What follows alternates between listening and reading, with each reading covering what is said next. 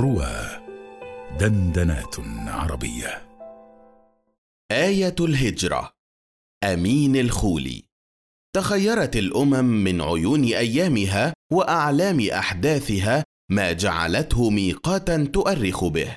فقالت لعام كذا من وفاة الإسكندر أو غلبة ديقانوس أو ميلاد المسيح أو ما هو من ذاك.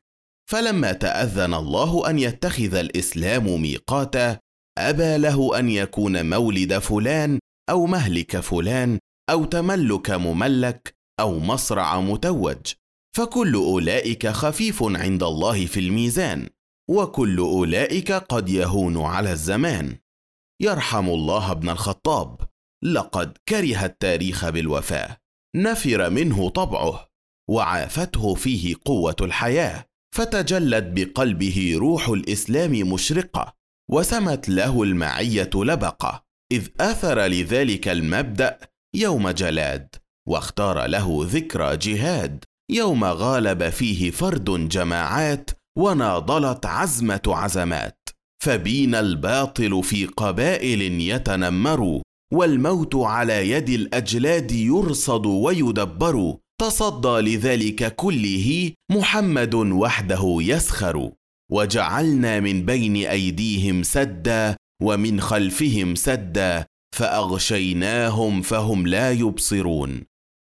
ما عز عليه أن يخلي الأهل والوطن ولا راعه أن يغترب لغير مستقر. فغلب الحق وظفر وانتصر الإيمان وقهر في قلة وروعة وتجرد. تلك آية الهجرة. ذلك في اختيارها سر الفكرة. ألقاه إلى الدهر عمر وخلده حين حمله القمر. فجعله في التاريخ تقديرا وبما بعثه لرسالة الإسلام تفسيرا. يدور مع الأيام ويتجدد كل عام. أفيتساءل المسلمون بعد أين الطريق وكيف النجاة؟ تلك آية الهجرة أول الحياة في تاريخهم وأول تاريخهم في الحياة. يا شرق إن لك عند القمر معنى تاريخيا وإن لك فيه رمزا حيويا فإن يبدو في الغرب ناحلا نضو اسفار فهو الطلعه وذلك طريق الفخار وإن يتألق في الشرق بدرا كاملا فهو تاج مجدك ومثال جدك. الآن يزيح القمر سجف الغيب عن عام جديد فيطالع في الشرق وجوها ناظرة إلى ربها ناظرة.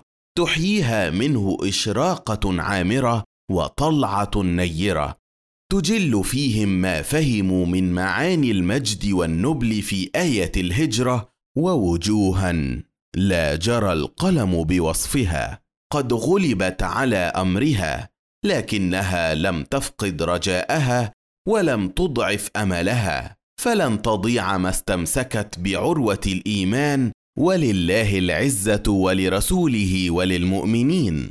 أولئك لهم من القمر في إشفاقه الوديع نظرة راجية ولفتة حانية وإيماءة نافذة تثير ذكريات حافزة وتلهمهم معاني المجد والنبل من آية الهجرة.